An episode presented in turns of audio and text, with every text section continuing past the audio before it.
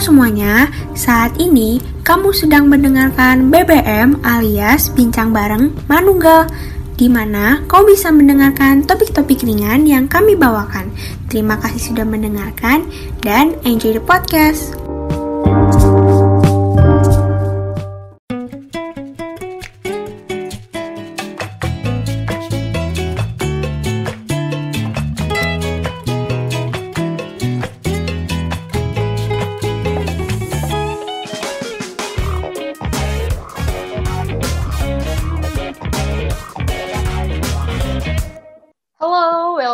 To the podcast. Kembali lagi di Bincang Bareng Manunggal. Kali ini episode spesial banget kayak gado-gado dikasih karet dua.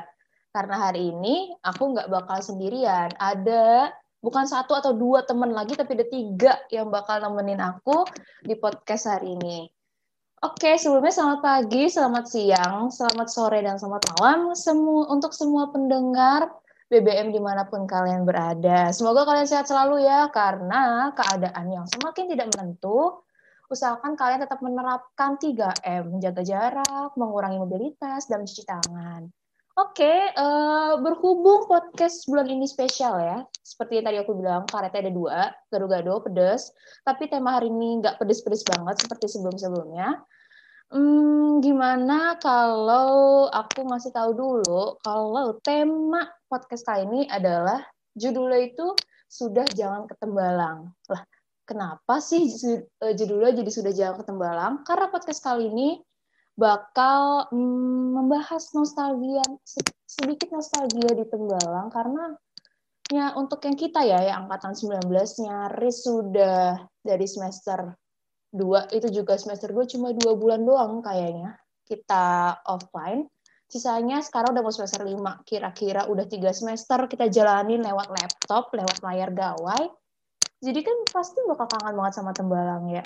Dan teman-teman dari 2020 dan 2021 bahkan belum pernah tuh yang namanya ke Tembalang.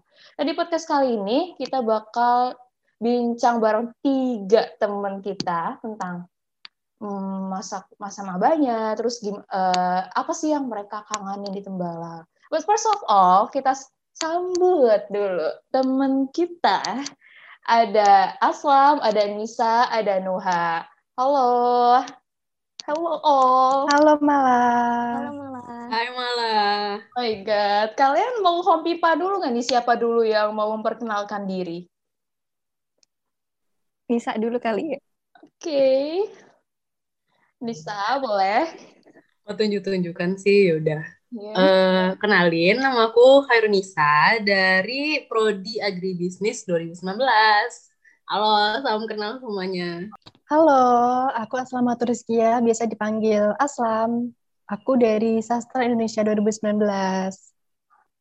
Halo, kenalin aku Mahfuzuli Nuha, biasa dipanggil Nuha. Aku dari ISP 19. Oke, gimana kabarnya kalian semua? Apakah sehat semuanya atau apakah uh, mungkin ngerasa bete, ngerasa bosen gitu? Alhamdulillah sehat ya. Cuma barusan nih, barusan aja aku barusan balik dari Tembalang. Jadi sisa-sisa kangen Tembalang itu masih ada sih. Waktu udah sampai kampung halaman sendiri tuh kayak loh nggak seramai biasanya ya kayak gitu. Ya, kalau aku baik sih, cuma ya ya sama kayak di sini di Kudus tuh kurang serame Tembalang gitu. Oke, kalau Nuha, Nuha kan anak Semarang nih, gimana keadaan Semarang sekarang?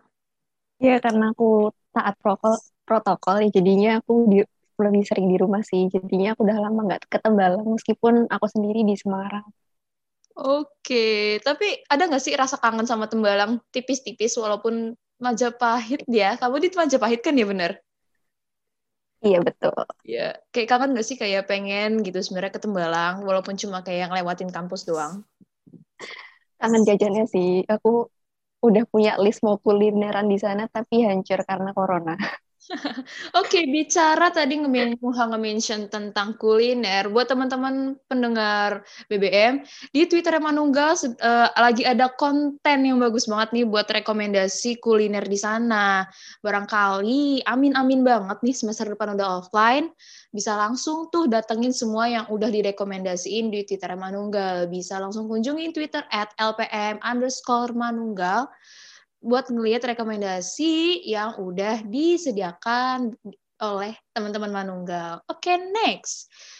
Berhubung uh, topik kali ini adalah nostalgia tentang Tembalang, berarti kita kembali mengingat ke masa-masa saat offline. Berarti kalau kita itu karena semuanya angkatan 19, berarti kita itu semester 1 tok ya, yang, yang benar-benar offline full. Nih, aku mau nanya dari siapa dulu ya? Dari Aslam dulu deh ketika keterima di Undip, ada nggak sih uh, kayak rasa apakah rasa kayak eh gue seneng banget keterima di sini atau ya ya udah deh emang pilihannya di sini mau diapain lagi? Gimana reaksinya kalau dari Aslam sendiri?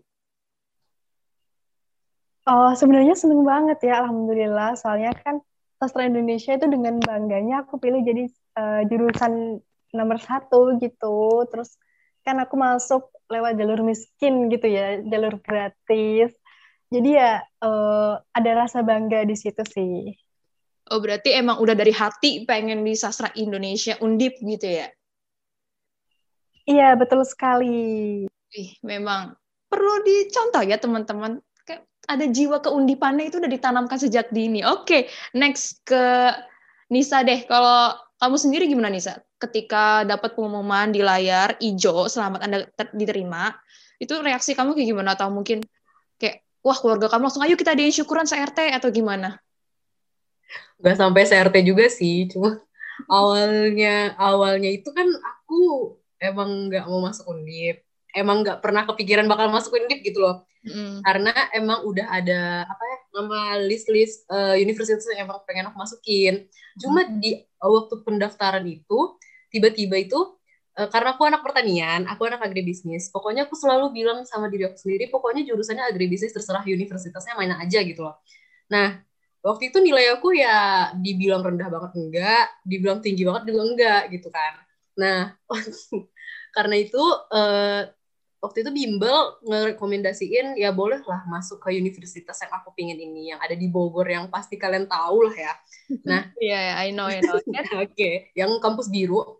Nah, itu uh, karena kurang pede jadinya akhirnya milih kayak ya udah deh ambil undip aja. Padahal nggak tahu undip di mana undip itu universitas yang seperti apa. Terus dia uh, apa ya profilnya nggak tahu menahu lah tentang undip. Tapi tapi akhirnya aku milih undip itu menjadi nomor satu. Uh, dengan jurusan yang aku eh, dengan jurusan agribisnis tetap. Nah waktu keterima sih seneng seneng seneng seneng seneng sedih gitu ya? Seneng tapi agak sedih gitu kayak seneng keterima akhirnya keterima uh, top 10 alhamdulillah top 10 ya undip untuk top 10 tapi sedih karena nggak bisa masuk universitas impian kan kayak gitu. Tapi tetap disyukurin sih karena semakin lama kayak aku makin uh, menikmati lah gimana sih undip ini. Eh maksudnya da, lingkungan undip pun juga enak gitu nggak nggak buruk-buruk amat juga Oke, okay, gitu. berarti jadi awalnya itu kayak ya sedih lah, gimana sih namanya udah ngelis dari awal terus tiba-tiba emang harus daftar yang lain. Tapi overall setelah menjalani beberapa semester berikutnya itu kayak ngerasa udah ya udah PW aja gitu. Iya PW sih, karena emang jurusan yang aku uh, jurusan yang aku pilih pun emang yang aku mau gitu loh. Oke, okay. keren keren keren. Oke, okay, next Nuha. Kalau Nuha ada cerita apa nih? Dari ketika keterima di Undip Uh, waktu terima di Undip sih aku biasa aja ya, benar-benar biasa aja tuh karena aku coba-coba doang dan karena aku daftar di Undip ini tuh karena uh, pilihan orang tua juga. Jadi dan uh, radanya salah sebenarnya karena aku anak salah jurusan juga. Jadi tiba-tiba masuk teknik elektro arus kuat itu kayak hah ini gimana? Aku nggak pernah kebayang bakal semelenceng ini dari rencanaku gitu. Terus uh, sedihnya kenapa? Karena aku udah keterima di jurusan yang aku mau. Itu di Univ Surabaya sama uh, Univ Solo. Itu dua aku pingin sih. Tapi kalau aku boleh tahu, jurusan yang kamu pengen itu apa? Matematika sama fisika, antara dua itu. Dan itu keterima di uh, masing-masing univnya. Berarti sebenarnya uh, dibilang melenceng terlalu jauh nggak? Karena basicnya hitung-hitungan atau ketika kamu akhirnya masuk dan udah belajar di teknik elektro SV itu, kamu rasa, gila ini benar-benar nggak pernah gue pelajarin sebelumnya. Gimana? Ya aku sebenarnya tuh suka matematika sama fisika ya, tapi uh, dari fisika sendiri tuh ada satu ada dua materi yang nggak aku suka yaitu relativitas sama elektro. Aku nggak suka dan waktu waktu ngerjain apa pun mesti bagian relativitas sama el, apa elektro itu bakal aku skip. Terus jadi kayak kaget banget, loh kok aku masuk sini. Oh, ini kayak bener-bener ini kayak cerita kalian bertiga dari Aslam yang emang pengen banget masuk Undip, Nisa yang tadinya harus milih ini tapi akhirnya masuk memilihnya ke sini dan kepilihnya di pilihan yang lain, terus Nuha yang benar-benar melenceng itu kayaknya kisah yang emang pasti dialami sama semuanya sih. Uh, dari yang ya tadi aku bilang keterima, eh seneng terus akhirnya tetap ada yang masih mau pengen yang lain. Tapi kalau untuk Nuha sendiri, ketika kamu udah semester satu kamu lewatin, semester dua kamu lewatin, kamu masih ada keinginan nggak kayak aku masih mau di yang aku impiin bukan di sini atau ya udah terima aja gitu. Gimana? Aku masih mau sih. Jadi waktu semester satu itu aku berat banget karena aku masuk jurusan yang nggak sesuai keinginanku terus uh, aku beradaptasi sama teman-teman juga cukup uh, butuh waktu yang lama. Jadinya itu berat banget buat aku waktu semester satu. Aku kayak denial banget aku masuk sini aku kayak ya mungkin ini uh, jangan ditur ya teman-teman. Mungkin bagi yang masuk jurusan karena orang tua tuh berat banget ya karena mesti ada di titik waktu ada masalah perkuliahan tuh kamu malah ingin nyalahin orang tua gitu. Dan itu itu salah banget sih menurutku. Tapi memang itu adalah proses yang bakal uh, kita lewatin. Terus waktu semester 2 tuh aku baru mulai menerima tapi kayak ya udah jalanin aja jadi kayak biasa aja. Terus belajar biasa aja. Terus mulai dari semester 3 itu aku udah mulai bisa berdamai bisa dibilang gitu sih.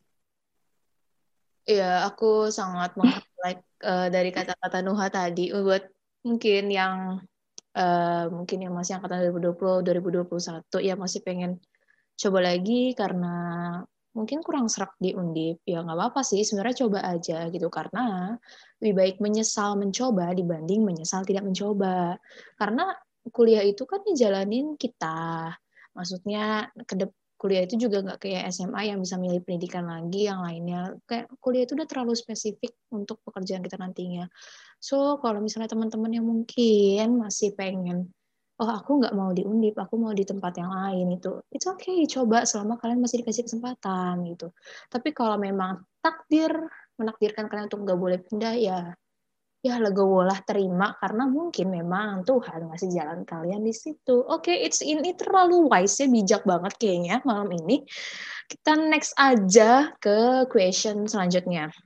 Nah, uh, kan uh, Aslam sama Nisa yang aku tahu ada, adalah perantau, sedangkan Nuha asli Semarang. Nah, ketika tadi Nisa juga udah bilang kalau dia uh, kalau belum tahu temba uh, Undip itu di mana, Tembalang di mana, pun aku pun juga sama, milih Undip juga karena ya udah, emang aku tanya Undip itu di Semarang udah selesai tapi nggak tahu kalau di, di Tembalang. Nah, waktu aku tahu dengar-dengar itu Tembalang tuh katanya itu di pegunungan deket Gunung Ungaran, pasti mungkin ekspektasi kalian sama kayak aku mikir Tembalang itu adem pol.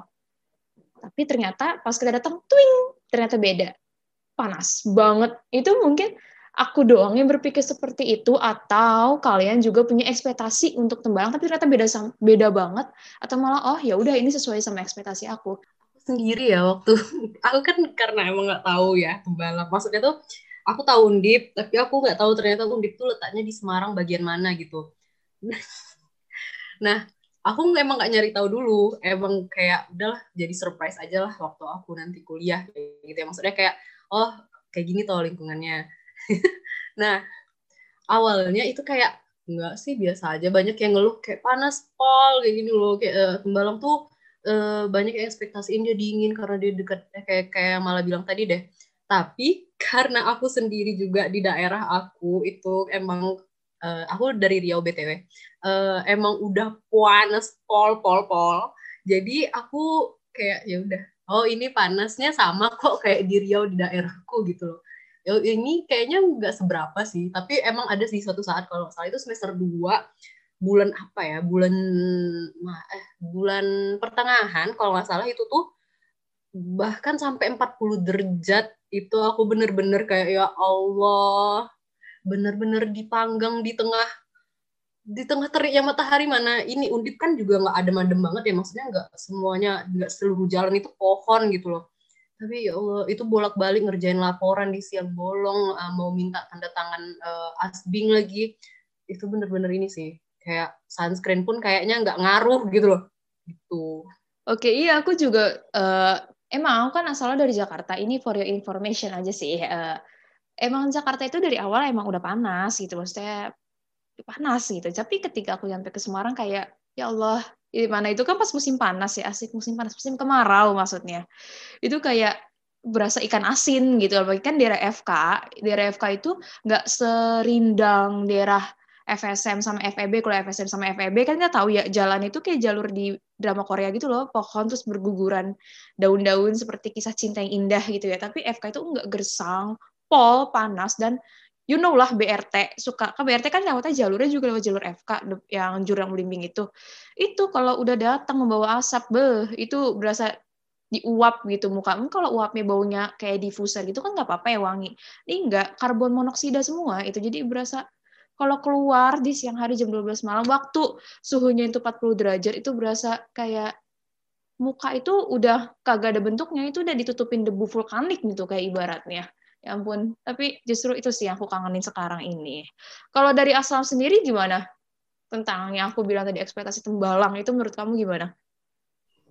Oke, kalau dari segi lingkungan nih, dari segi lingkungan tuh aku nggak punya ekspektasi apa-apa. Soalnya kan kalau misalkan teman-temanku yang lain udah pada traveling, udah pada lihat-lihat kampus, kayak ya kampus di mana gitulah.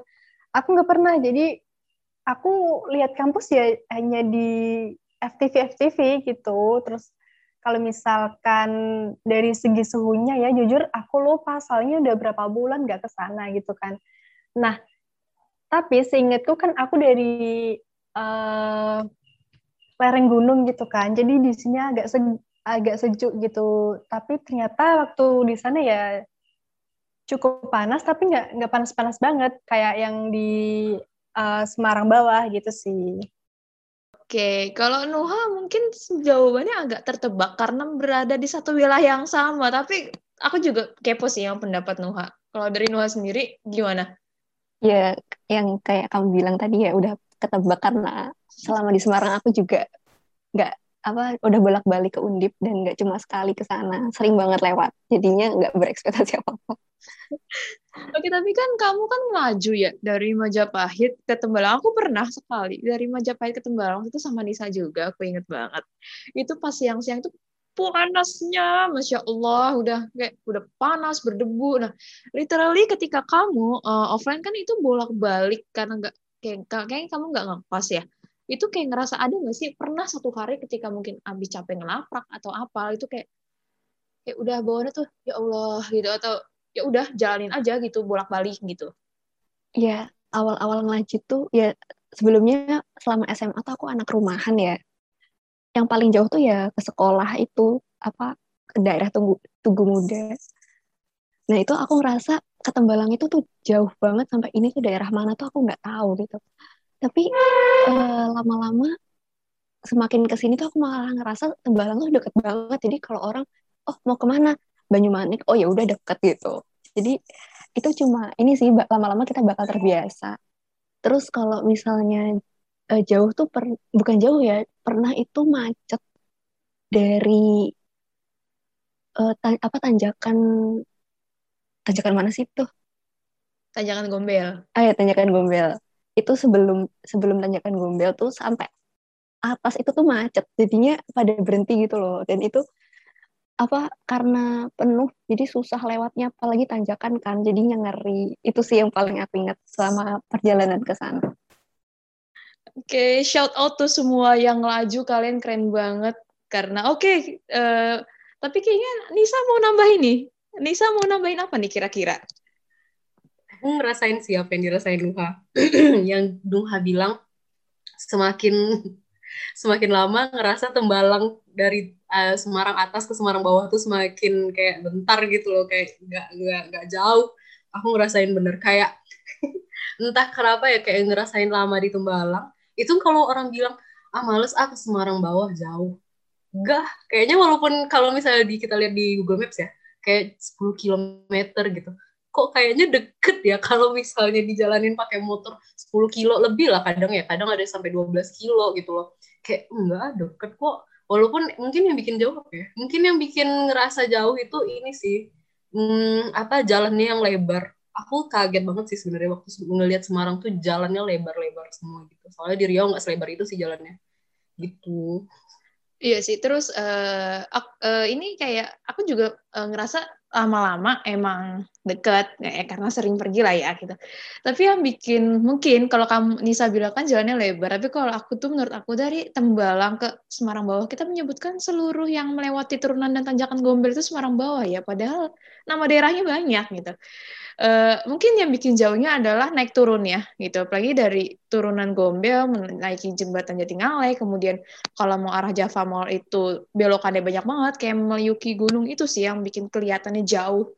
Padahal sebenarnya kalau naik motor itu kalau deket, deket iya paling 15 menit gitu. Dan iya. Semarang itu nggak pernah macet gitu.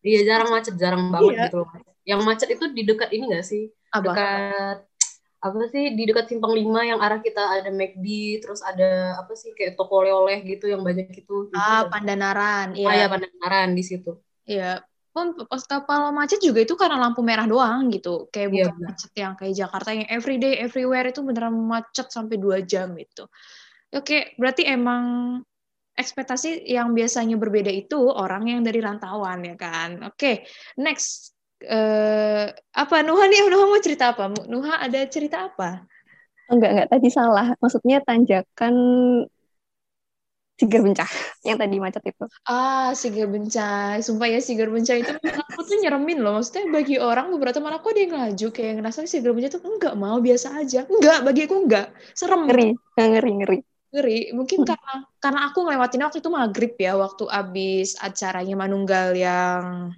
bakti sosial itu kan aku ngelewat ini mau naik ke atas tuh maghrib ya. Itu berasa kayak dalam hati tuh solawatanmu karena jalannya udah nggak terlalu terang. Dan itu bener-bener yang ngeliuk yang ngeliuk banget gitu. Sampai truk aja baru kelihatan dari arah belakang pas belokan tuh kayak ya Allah untuk kalian teman-teman yang melaju melewati sigar bencana berharap aku harap hati-hati di jalan ya. Ya semuanya sih yang namanya ngelaju yang bawa motor bawa kendaraan bahkan jalan kaki berhati-hatilah di jalan. Oke. okay too much kayaknya. Next question. Oke, tadi udah reaksi keterima, terus abis itu cerita tentang apa? Ekspektasi tentang tembalang. Nah, yang paling berikutnya adalah tentang ODM. We know, ODM itu keren banget, terutama closingnya. Closingnya yang waktu itu gestarnya siapa ya? Uh, Vidi Aldiano sama Bu Puan Maharani itu rame banget banget banget di stadion. Nah, mungkin dari kalian ada nggak sih kayak ngerasa kan sekarang ini ODM 2 tahun ini 2020-2021 itu kan terpaksa online. Jadi kayak ada nggak sih di perasaan kalian kayak wah gila akhirnya untung aku ngerasain gitu ngerasain ODM offline gitu. Ketika closing ODM yang membahana itu ada nggak sih kayak ngerasa ih bangga banget di Undip kayak gini gitu atau ya udah biasa aja gitu. Oh, Oke. Okay. Uh, eh, aku seneng banget sih, aku ngerasa ih kayak angkatan 19 itu ber beruntung banget gitu bisa sempat mencicipi ODM uh, eh, offline gitu. Terus kayak ih, ini nyaris banget aku se satu tahun nggak lulus lagi aku udah nggak bisa ngerasain kayak gini apalagi waktu bikin mozaiknya tuh itu sih yang paling aku tunggu-tunggu. Soalnya dari dulu waktu SMA tuh sering banget lihat video-video mozaik itu dari univ-univ. Oke, tapi kalau yang mozaik, uh, jujur yang aku paling suka dari ODM tuh sebenarnya konsumsi nggak sih? Karena konsumsinya enak dan lengkap gitu. Kalau mozaiknya kurang suka karena kan ngaret ya wajar sih itu cuma kayak dari pagi tiba-tiba panas itu ngurusin mozaik doang kayak udah berdebu kan stadion gitu cuma sedikit terhibur dengan adanya pentas apa tuh namanya yang terbang-terbang di atas ya para layang gitu Oke, jujur aku setuju sama Mala tadi. Kalau mozaik tuh uh, dempet-dempetan, terus berdebu, panas, bau keringat. Pokoknya uh, parah gitu deh, nggak nggak seindah apa yang dilihat dari segi hasilnya gitu. Nah, jujur tapi seneng sih, tapi uh, aku nggak tahu lagu video Aldian waktu itu, jadi sedih banget. Aku cuma taunya yang itu loh keka eh apa kekasih palsu eh status apa palsu status oh iya status palsu iya cuma itu doang tapi mungkin aku mau share pengalaman waktu pendikar aja kali ya atau ospek fakultas nah waktu itu kan uh, fakultas itu kan tepat di depan eh, di samping FH ya. Nah, waktu itu uh, fakultas hukum tuh pakai sound yang cukup gede tuh yang bisa berdiri gitu dan ada kakinya. Nah, fakultasku tuh cuma pakai toa, tahu kan toa yang kayak uh, di mobil tahu bulat itu loh. Iya, iya, tahu-tahu. Iya, iya. Tapi suaranya kayak uh, kayak radio kresek-kresek gitu.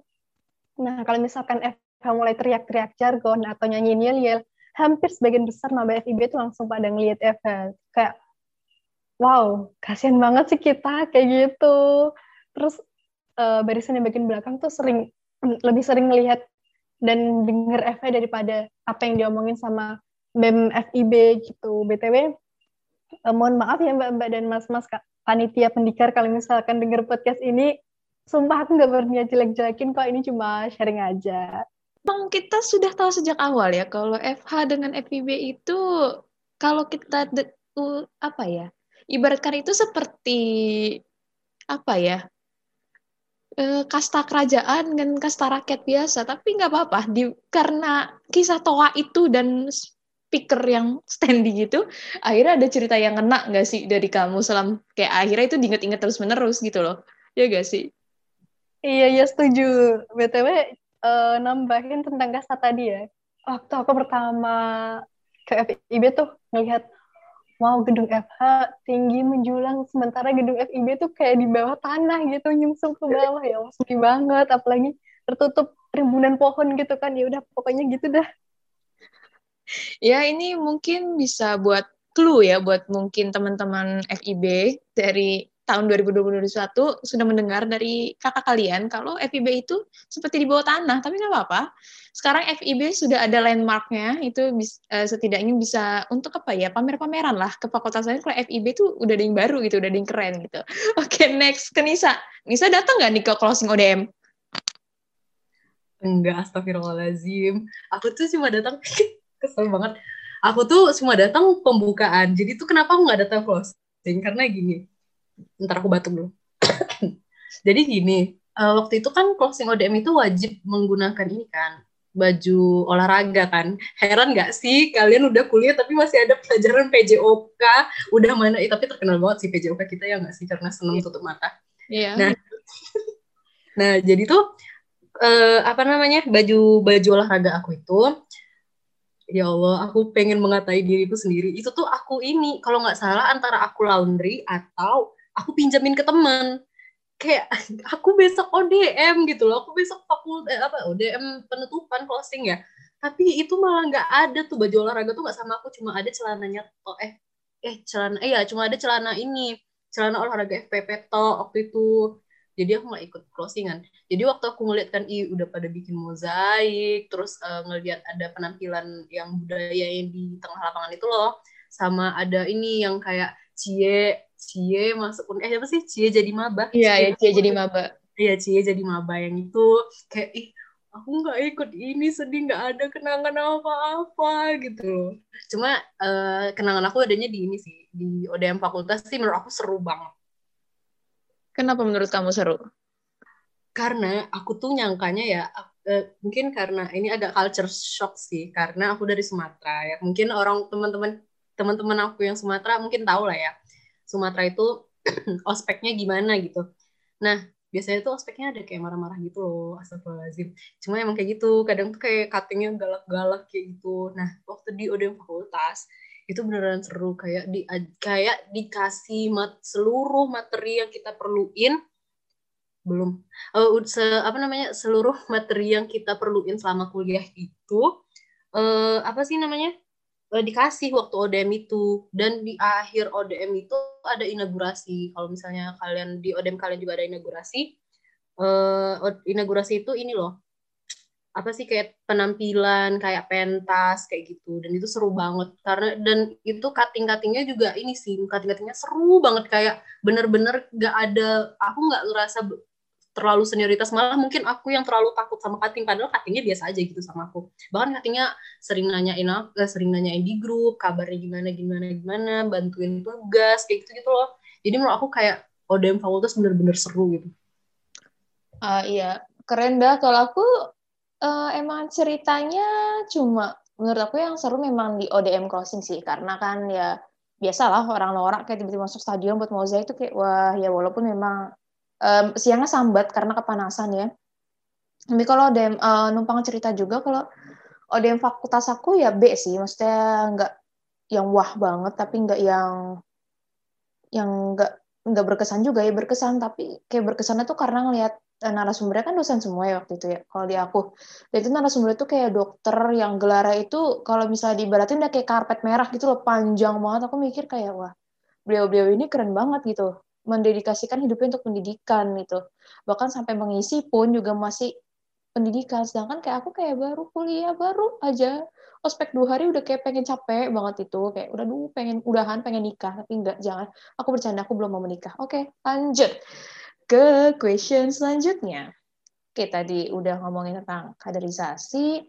Nah, akhirnya kan kalian setelah ospek mengalami berba, eh, kehidupan kampus yang ternyata tidak seperti seindah FTV. Ya, kalau di FTV kita lihat kampus nabrak orang, terus dikejar, jadian, putus, balikan lagi. Sedangkan ternyata nggak seperti itu realitanya. Tapi ada nggak sih satu hal atau dua hal yang paling kalian kangenin sampai sekarang eh, karena ngampus itu online uh, yang pengen aduh pengen banget nih diulang lagi atau gimana kalau aku sendiri tuh kangennya praktikum. Walaupun aku tahu praktikum itu uh, mungkin bagi sebagian orang kayak ya Allah praktikum sampai malam. Kadang karena di FPP emang praktikumnya kadang ini sih apa namanya uh, kadang ada yang nginep karena kalau nggak salah tuh mata kuliah apa ya? Mata kuliah peras apa ternak perah kalau nggak salah itu. Walaupun aku pertanian, tapi aku juga belajar peternakan. Jadi kalau nggak salah itu disuruh nginap di kandang kayak gitu kan nah aku tuh belum merasakan itu gitu. Karena kata kalau dulu sih kata kating aku kayak ada cerita-cerita gitu sih waktu waktu lagi praktikum kayak gitu. Nah berhubung aku cuma praktikumnya cuma dua minggu eh eh cuma dua semester maksudnya cuma dua semester jadi kayak apa ya kayak bener-bener nggak ngefeel gitu loh praktikumnya. Kayak banyak yang kurang kadang nggak masuk kayak gitu. Kayak yang di di praktikumin tuh nggak ada. Mungkin apa ya mungkin emang eh, kadang aslinya ngasih video tutorial kayak gitu ya cuma waktu bikin laporan kan kita bingung, bingung sendiri gitu loh kayak loh ini maksudnya gimana toh gitu terus belum lagi uh, ya salah satu part yang paling susah menurut aku waktu praktikum itu nyari citasi sih nyari citasi buat, buat laporan itu kayak kalau misalnya kita nggak paham sama materi praktikumnya, ya nyari sensasi pun juga susah gitu. Itu sih yang aku menurut aku kayak kangen banget waktu kuliah offline. Walaupun emang nyambat aja sih kerjanya waktu offline. Oke, ya, ya memang hidup manusia itu kebanyakan sambat ya. Kayak pas offline sambat capek, capek sama bolak-balik kampus, capek ngerjain laporan. Tapi ketika online sambat meneh karena pengen ketemu teman. Karena kuliah online itu kayak feelnya beda loh. Walaupun aku ketika kuliah online pun di kosan tapi kayak feelnya beda gitu loh nggak aduh maaf ya bapak ibu dosen saya tidak bermaksud tapi ketika kuliah offline aku kan dulu kan selalu paling belakang gitu dan itu ketika udah memasuki jam rawan karena kan aku kan kelas kadang sampai jam 5 sore ya kalau pokoknya udah jam 2 ke bawah jam 2 jam 3 jam 4 itu tuh aku udah menghadap alam mimpi gitu loh di belakang atau minimal supaya menjaga melek itu aku makan kacang rebus gitu ya maaf ya Bapak Ibu, tapi itu yang paling aku kangenin, ya ampun. Please talk semester berikutnya offline lagi. Oke, okay, next Nuha. Kalau dari Nuha, ada nggak? Kan tadi Nuha awal-awalnya kayak masih kurang nyaman lah, tapi ada nggak sih yang akhirnya ada satu hal yang bikin kamu, oke, okay, aku nyaman di Undip. Gimana? Aku kangen perpus. aku termasuk apa sih kayak kalau ada jam kosong atau jeda kuliah tuh aku langsung ke perpus sih dan entah itu baca buku atau cuma numpang wifi atau cuma numpang adem aku mesti ke perpus dan berhubung perpus, undip perpus ah iya iya buat yang nggak tahu mungkin perpus undip itu kayak agak agak tertutup itu ada di belakang rektorat di belakang Widya Purai Iya, tapi perpus uh, perpus undip emang luar biasa PW sih. Mungkin uh, bapak bapak bapak bapak ibu petinggi kampus mungkin bisa ya nanti perpus itu di dalamnya ada kafe. Jadi ya mirip kampus sebelah lah yang ada Starbucks di dalam perpus. Oke. Okay. Setuju banget sih. Iya, tapi emang perpus undip itu udah benar-benar kayak wifi-nya teh mantap, terus bangkunya PW dan cukup luas gitu ya itu udah spot paling PW pokoknya paling PW apalagi juga sekitar perpus itu kan rindang banget ya mm benar banget ya. tapi ini sih kekurangannya Apa? itu nggak ada spot makanan jadi kalau nggak salah tuh cuma ada satu apa kulkas isinya minuman gitu jadi kadang-kadang kalau ada di perpus tuh ini sih malah duh malas cari makan keluar gitu tapi mungkin karena memang di perpus sendiri uh, ini ya melarang ada makanan sama minuman masuk jadi makannya ditiadakan Sumpah demi apa darah kulkas itu emang bebas bisa dibeli mahasiswa atau gimana? Aku bahkan baru tahu loh. Iya, bisa dibeli yang kayak kulkas di toko-toko itu loh. Itu letaknya di mana? Di sebelah ini, ambil tiket, uh, ambil kunci loker. Ah, berarti aku tidak ngeh ya, tapi ya ampun. Iya, apalagi pas online gini kan perpus beneran ditutup, sumpah. Padahal itu penolong banget ketika butuh referensi. Jujur, aku apa ya paling aneh nggak ada sih belum ada belum ada aku nggak ada praktikum kayak Nisa aku ke perpus juga ya pernah tapi jarang gitu kan tapi aku mau menanggapi malah tadi dong uh, kalau malah tadi kan uh, apa duduknya di belakang gitu kan nahan kantuk sambil makan apa kacang rebus. Kalau aku sosokan di depan kayak orang teladan gitu. Padahal aslinya juga nahan kantuk juga gitu loh. Tapi kalau yang paling kangen tuh aku kalau misalkan ada diskusi sih, diskusi di depan kampus yang diadain sama uh, kating-kating Sasindo atau misalkan ada konser kecil-kecilan sama yang diadain sama DPR atau Dewan Pergoyangan Rakyat dari Sasindo itu sih kayak asik banget apalagi nyanyi yel-yel Sasindo yang liriknya tuh kuliah sastra lulus mau jadi apa kayak gitu itu asik banget sih Oke, menanggapi duduk di depan seperti anak teladan tadi, aku tuh juga pernah sok pengen duduk di depan itu karena kan eh, selain ingin mencoba hal baru gitu kan. Karena juga aku pengen menghindari ngantuk. Aku duduk di depan itu satu-satunya alasan biar aku nggak ngantuk tuh aku harus duduk di depan karena kan posisinya pas banget depan dosen ya. Terus kayak ya udah tuh aku seharian duduk di depan dan posisinya kalau di kampus aku itu duduk paling depan itu depannya kan dosen, terus di bawah kursi eh di atas saya kursi dosen itu langsung AC gitu. Pun di belakangku juga sebenarnya di bawah AC pol gitu. Cuma AC di deket dosen itu kan dingin banget ya. Ya udah aku kayak it's fine gitu awalnya duduk uh, lama-lama sejam tuh. Pas dua jam aku mulai keringet dingin gitu. Kayak bener-bener kedinginan, tapi aku nggak berani ngomong sama dosen ya, karena dosennya itu juga beliau PW aja gitu ketika ngajak. Karena ternyata setelah aku pulang kos, aku masuk angin tiga hari. Kayak setelah itu aku nggak pernah mau di depan lagi sih udahlah emang emang susah gitu ya emang udah ditakdirkan tertidur di belakang penghuni pojok belakang ya udahlah gitu aduh emang buat jadi kita sebenarnya cuma bisa berharap lah ya semoga keadaan membaik. Jadi kita semua bisa ngerasain lagi euforianya kampus. Kan kita apalagi angkatan 19 suka nggak suka mau nggak mau tahun depan udah KKN udah ngurusin penelitian. Masa iya kali dah kita KKN online juga penelitian online juga dari maba. Ya ya udahlah ya gitu. Nah tadi kita udah berbicara tentang hal yang dikangenin dari undip kampus. Nah karena di lingkungan undip itu kan tembalang itu luas luas pol tembalang dan itu tuh kayak tembalang menurut aku tuh bahkan lebih maju menurut aku dibanding uh, Semarang kotanya kayak yang nggak maju banget maksudnya kayak persis kayak kota gitu loh. dan banyak banget entah itu makanan, hiburan segala macam di sana. Ada nggak sih satu tempat yang jadi comfort comfort place buat kalian entah itu kafe atau itu warteg atau burjo atau bahkan hanya sekedar pohon di Tembalang gimana? De, kalau Nisa sendiri gimana? Aku yang aku kangenin dari Tembalang kosan sih. Emang kamu emang aku nyaman banget di kosan karena apa-apa apa-apa kalau misalnya kadang diajak makan ya sama temen. Apa-apa diajak makan gitu kan. Enggak ah, mau di kosan aja kayak gitu. Tapi tapi eh, ada satu tempat yang emang aku kangen banget kalau misalnya ke Tembalang itu warteg dekat kos. Itu sampai kayak aku mimpi-mimpi gitu loh pernah. Kayak, gimana ya? Kadang tuh eh sampai kayak aku ada satu menu yang aku suka itu tempe tempe apa sih? Tempe semur tempe semur tempe tahu gitu. Itu aku suka banget sampai aku aku cari resepnya di uh, di Google. Aku bikin sendiri tuh sama sekali nggak mirip gitu. Nggak tahu apa yang bikin dia enak gitu loh itu sih cuma kalau nggak kosan kalau nggak warteg kayak gitu Oke, emang warteg itu tak ya ampun.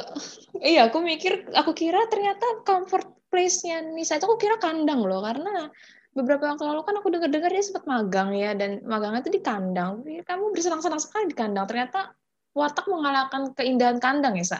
Karena kalau karena kemarin magangnya di kandang, jadi udah gak kangen lagi gitu. Karena udah oh ini kandang gitu. Tapi yang aku kak, yang aku pengen lihat tuh sekarang tuh kandang sapi bukan kandang ayam. kenapa sih bicarain kandang udah kayak gitu loh pokoknya. Nah, tapi kan kamu FPP sangat berkesan dengan kandang. FPP itu kalau dibagi dengan secara skala, itu dua per tiga isinya kandang, bener nggak? Iya bener sih. Serius kalau misalnya kalian ngelihat dan FPP itu kayak, oh kecil lah gitu. Sebenarnya FPP itu luas polo. Kayak kalian dari dari uh, traktor yang kalian tahu itu traktor sampai uh, gedung sapi, eh gedung sapi, apa sih, patung sapi, itu kalau misalnya kalian jalan itu jauh. Kalau kalian lewat dalam ya itu jauh bener bener jauh. Itu sampai kayak ke Agro Techno Park itu itu jauh bener jauh. Oh iya satu lagi aku kangen sama Freshmart FPP jadi uh. kalian yang belum pernah ke Freshmart FPP kalian nyesel sih karena emang isinya enak-enak. Terus kalian kalau misalnya makan siang di situ ada ready meals dan lain-lain kayak gitu beli telur murah beli ayam murah ini kayak aku kayak promosi FPP iya tolong kepada FPP Nisa dijadikan brand ambassador ya uh, cepat karena udah mempromosikan EPP secara lugas gitu loh di sini. Maaf ya Pak. Tapi ngomongin kandang aku kepo sebenarnya sangat-sangat kepo di FPP itu udah kandang apa aja sih karena yang aku tahu cuma sapi ya karena kan baunya kecium banget dari tikungan FPP. Selain iya sapi sama ayam apa lagi? Uh, ada sapi, ayam, domba, kambing aku baru tahu domba akhir-akhir ini sih setelah magang kemarin aku kayak oh baru tahu ada kandang domba. Karena selama ini aku ngira aku selalu lewat kandang kandang kambing kan karena baunya kan khas ya. Nah ternyata aku lewat kandang domba juga sekalian kayak lewat dari eh, dengan eh sekalian lewatin kandang domba gitu. Itu tapi dombanya bener-bener domba yang putih seperti di kartun Shaun the Sheep gitu beneran domba yang kayak gitu? Bukan loh dombanya ini loh domba ini domba yang kalau misalnya kalian pernah lihat domba kurban ya mirip-mirip kayak gitulah. Ah, tapi tahu. tebal sama bulu, beneran tebal sama bulu. Iya, iya beneran bulu lah. kambing beda dengan kambing lah. Kalau kambing kan kayak botak gitu ya. Kalau kalau kalau domba ya berbulu. Ya aku soalnya jujur aku belum pernah menemukan domba secara langsung depan mata gitu loh. Kayak cuma ngeliat di kartun sama ya udah gitu di TV. Iya, FPP. Oke, okay, next. Sekarang Aslam. Kalau Aslam gimana Aslam? Aku nggak ada tempat favorit sih. Cuma kalau misalkan lihat gitu seneng, itu ada halaman FIB. Kalau misalkan waktu bunga-bunganya lagi mekar tuh, warnanya kuning, terus di atas, terus langitnya biru seger gitu, cakep banget. Sama jalan di parkiran visip tuh. Kelihatan adem banget, pohonnya rindang. Apalagi kalau misalkan daunnya pada rontok gitu kan. Terus ada motor lewat. Wah, vibes-nya kayak film-film Indonesia zaman dulu gitu dah. Ada kayak ada soundtrack yang mendadak gitu ya di kuping. Iya, bener bener bener. Oke, kalau Noah? Oke, selain perpus tadi tuh aku suka banget berdiam diri di maskam. Oh. eh, tapi sekarang maskam udah dibangun. Kenapa? Iya, teladan sekali ya berdiam diri di maskam. Bener banget. Terus pernah itu ada cerita lucu di perpus waktu itu aku sebenarnya aku sering ke perpusnya itu sendirian ya. Jadi uh, ya cuma sendirian aja lebih seringnya nggak ada teman. Aku pernah kekunci di kamar mandi perpus. Kok bisa? Ya aku juga tahu. Jadi kamar mandi kan uh, kamar mandi yang cewek di lantai dua itu ditutup ya rusak. Jadinya kita aku pakai kamar mandi di uh, kamar mandi cowok. Dan itu kamar mandinya udah agak rusak itu loh udah apa gagangnya udah agak, agak rusak terus pintunya tuh udah kerowak itu aku udah selesai. Gitu. ya dengan urusanku terus waktu nyoba keluar tuh kayak kok ini nggak bisa keluar? Nggak bisa kebuka gimana? Terus aku kayak itu karena aku kan masih maba ya masih awal-awal. Jadi aku uh, belum deket sama siapa siapa siapa jadi masih kayak malu-malu sama sungkan itu aku kayak bingung banget ini aku gimana cara keluarnya? Terus satu-satunya jalan yang waktu itu aku kepikiran adalah aku bikin tweet di undip manifest. Demi apa ya, kayak, tapi aku nggak jadi aku nggak jadi kayak aduh ini gimana nih? Terus aku kayak coba ngajak ngobrol temanku eh, teman SMA aku gitu. Eh ini gimana? Aku kunci di kamar mandi perpus. Tapi ternyata uh, karena aku panik kali ya jadi aku lupa mutar gagang pintunya sih. Jadi harusnya diputar baru ditarik. Nah aku tuh langsung narik. Selesai. Oke, okay, jadi uh, kesimpulannya ini akibat panik langsung ditarik, lupa untuk memutar ya teman-teman. Oke, okay, bisa diterima alasan ini, cukup bisa diterima walaupun ada rasa ingin sedikit menyentil gitu ketika mendengar endingnya. Oke, okay, oke. Okay. Aku juga ketawa sih. Masih ada chatnya kalau kalian mau lihat ntar. Oke, okay, oke. Okay. Tapi ya memang kalau kenang itu nggak semuanya indah, tapi dia yang lucu ya. Tapi kalau dari aku sendiri, oh, buat teman-teman yang mungkin belum pernah ke Tembalang atau mungkin sekarang kangen Tembalang, uh, sebuah informasi yang cukup bermanfaat dan namun tidak terlalu bermanfaat. Tembalang itu sudah banyak sekali kafe, sangat banyak sekali. Bener kafe itu kayak Vipsa itu kayak beda semua gitu loh dan itu selalu penuh ketika sebelum PPKM ya. Jadi kalau ketika kalian datang suatu saat nanti ke Tembalang dan setelah sekian lama nggak ke Tembalang, janganlah kaget ketika Tembalang itu sudah seperti kota filosofi kopi karena kebanyakan kopinya. Tapi percayalah, ya itu sih aku kangenin dari tem kalau dari aku sendiri aku kangenin dari Tembalang itu kafenya dan spot favorit aku itu ada satu kafe yang nggak kafe sih dia kayak ya kafe lah gitu tapi spesialisasinya bukan kafe namanya bla bla bla bla belakangnya Ci gitu. Oke dia tuh banyak nyediain tehnya itu kayak benar-benar PW gitu loh karena kan misalnya kalau kafe yang lain tuh kayak spesialisasinya kopi sedangkan dia itu spesialisasinya tuh teh dan tempatnya tuh PW and baristanya juga hmm, gemoy oke gemoy gitu Pokoknya kafenya itu ada di Banjarsari. Oke, terima uh, kepada kafe aku promosikan. Semoga aku di, dibelikan ECT gratis ya nanti ketika aku datang. Selain uh, satu karena emang minumannya uh, surprisingly enak, terus murah dan porsinya gede, terus baristanya ramah banget. Mungkin karena aku keseringan datang kali ya, jadi cukup apal gitu. Terus ya memang uh, adalah beberapa kenangannya. Namanya tempat favorit pasti ada kenangannya lah gitu ya. Cuma ya udahlah itu hanya sambil lalu saja.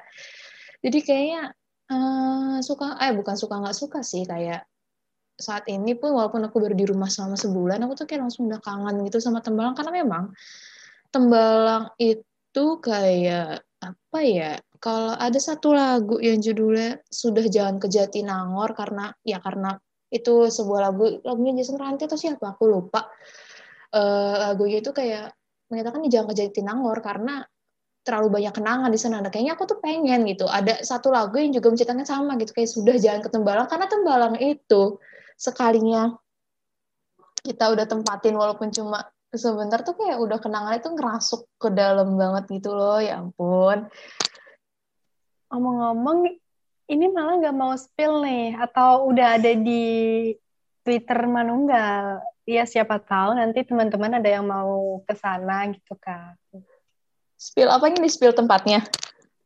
Iya benar yang tadi katanya ada kenangannya, kemudian baristanya ramah dan makanannya dan minumannya yang uh, enak gitu. Oke, tapi sebenarnya ini kan mungkin preferensi ya, mungkin setiap orang seleranya beda-beda. Satu cafe itu namanya Donti, itu deket Alfa Alfa Midi Banjarsari. Dan aku tuh kayak ambience-nya enak gitu loh, gitu. Tapi ya menurut aku enak banget gitu, karena lecitinya sangat aku rekomendasikan, karena enak banget. Terus, iya kan, benar terus kayak satu kafe teh yang enak sih selain selain apa sih selain menanti Donti enak tapi kalau menanti juga baru kan, baru banget. Baru-baru. Hmm. Kalau Donti tuh kayak dari aku maba udah ada, cuma aku baru bodohnya baru aku coba itu pas semester eh pas semester kemarin iya terus juga ada tempat makan yang selalu menempati tempat spesial di hati bu apa siapa lagi kalau bukan Burjo Motekar 10 yang ayam balinya hmm ya itu sudah dijelaskan di sekali lagi aku promosikan di tweet Twitter Manunggal itu rekomendasinya udah pol-polan sama harga-harganya sama rasa-rasanya gitu. Eh tadi kita udah berempat aku Aslam Nisa Nuha udah sama-sama bahas dari hmm, rasa ketika pertama kali diundip sampai hal-hal yang ngena bagi kalian ketika hadir di Tembalang. Oke, sebagai closing, satu kalimat ketika terlin satu kalimat yang terlintas di kepala kalian ketika ada kata Tembalang itu apa? Dari Aslam dulu. Kangen muter-muter sama Saman sih. Iya. Oke, okay, next Nisa. Riuh tapi ngangenin. Oke, okay. Nuha. Uh, sebagai anak rumahan, tembalang bikin aku nggak takut main jauh. Oh, keren. Oke. Okay. Thank you so much. Oh, kalau dari aku, tembalang itu, oke okay, ini sedikit cringe ya. Uh, pick, up line-nya agak cringe. Tapi menurut aku, tembalang tembalang aku belajar ikhlas banyak hal ketika di Tembalang. Oke, okay, thank you so much buat Aslam, Nisa, dan Nuhai udah nemenin aku selama nostalgia bareng uh, tentang Tembalang. Semoga keadaan semakin membaik. Dan untuk semua teman-teman pendengar setia BBM, terima kasih banyak sudah berkenan mendengarkan. Sehat selalu di mana pun kalian berada, dan selamat menunaikan ibadah liburan, karena sebulan lagi kita akan menghadapi semester baru yang pastinya bakal lebih banyak tantangan. Tetap jaga kesehatan, jangan lupa berjemur, jangan lupa minum vitamin. See you on the next episode. Goodbye.